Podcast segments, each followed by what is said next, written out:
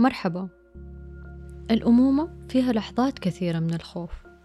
لحظات نحس فيها إنه قضينا على أطفالنا للأبد إنه دمرنا نفسياتهم للأبد إنه كسرنا مجاديفهم للأبد إنه عقدناهم إنه حنطلعهم بمشاكل نفسية ما راح تنتهي.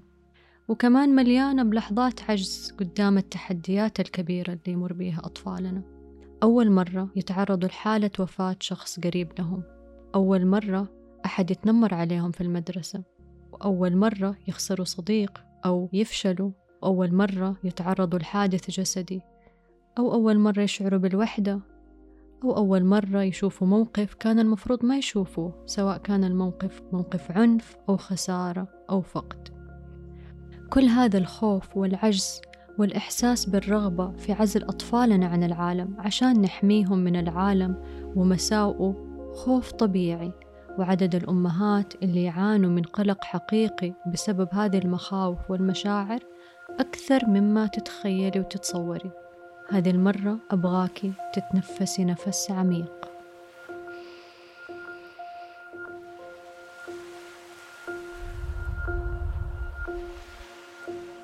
وتاخذي نفسك وبذكرياتك للحظة الأولى.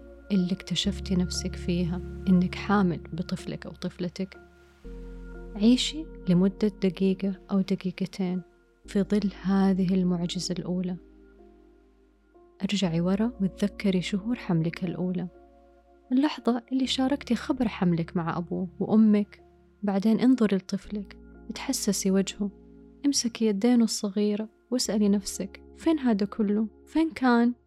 فين كان متخبي؟ معقول كله في قطرة؟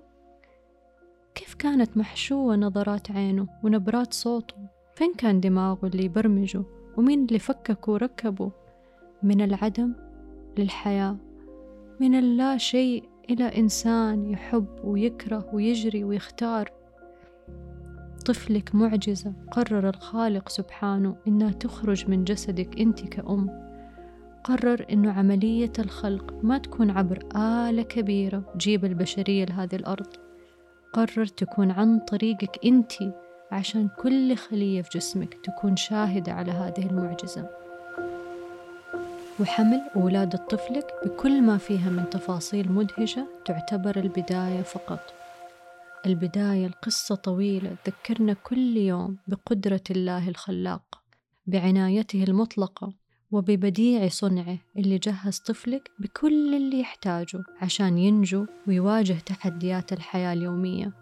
فالمرونة العصبية أو ما يسمى بالنيوروبلاستيسيتي من أعظم الأشياء اللي اكتشفناها كبشر عن أدمغتنا. المرونة العصبية هو مصطلح يطلقوها العلماء على قدرة الدماغ على إعادة بناء نفسه على أنه يتعافى ذاتيا على أنه يعوض اللي فاته. يعني الله الخلاق مع طفلك في كل لحظة في كل لحظة حتى لما أنت نفسك ما تقدري تتخيلي نجاة طفلك وقدرته على تخطي المشاكل اللي يمر بيها. حتى لما خوفك يقولك إنه كيف ولدي حيقدر يتخطى هذا الحادث ولا هذا الفقد ولا هذا الألم ولا هذه المشكلة. المرونة العصبية تقول لنا إنه عقل طفلك عنده القابلية بمساعدتك أنت إنه يتغير بشكل فعلي في بناء دماغه ووظيفته عن طريق تكوين مسارات عصبية جديدة. عشان كده اطمني لما طفلك يمرض ويتعود على عادات غير مفيدة على المدى البعيد أو لما يتعرض لحالة فقد مثل وفاة أحد أحبابه أو انفصال عائلي. ويبدأ يستخدم أساليب للتأقلم غير صحية. هذا لا يعني أنه طفلك للأبد حيعيش مسجون في هذه الظروف. واستشعري اسم الله الخلاق.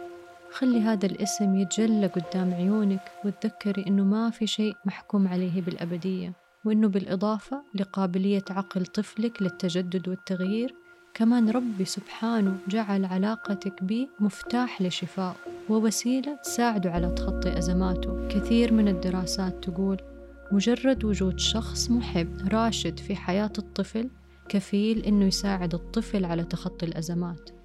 الدراسات تؤكد على وجودك وما كان في ذكر لأي مهارات خارقة أو قدرات سحرية أو واجبات معينة تقوم بها الأم.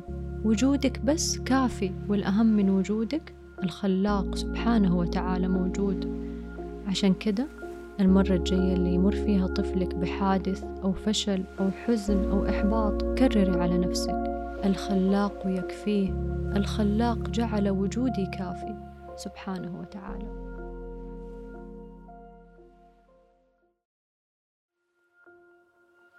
هذه التأملات من إلقاء رولابات كوك وعمل على إعدادها رفاه سحاب ومريم رياض ورفال بوغس ولجين سيامك كما نشكر إناس رياض وأبرار النهدي على آرائهم القيمة.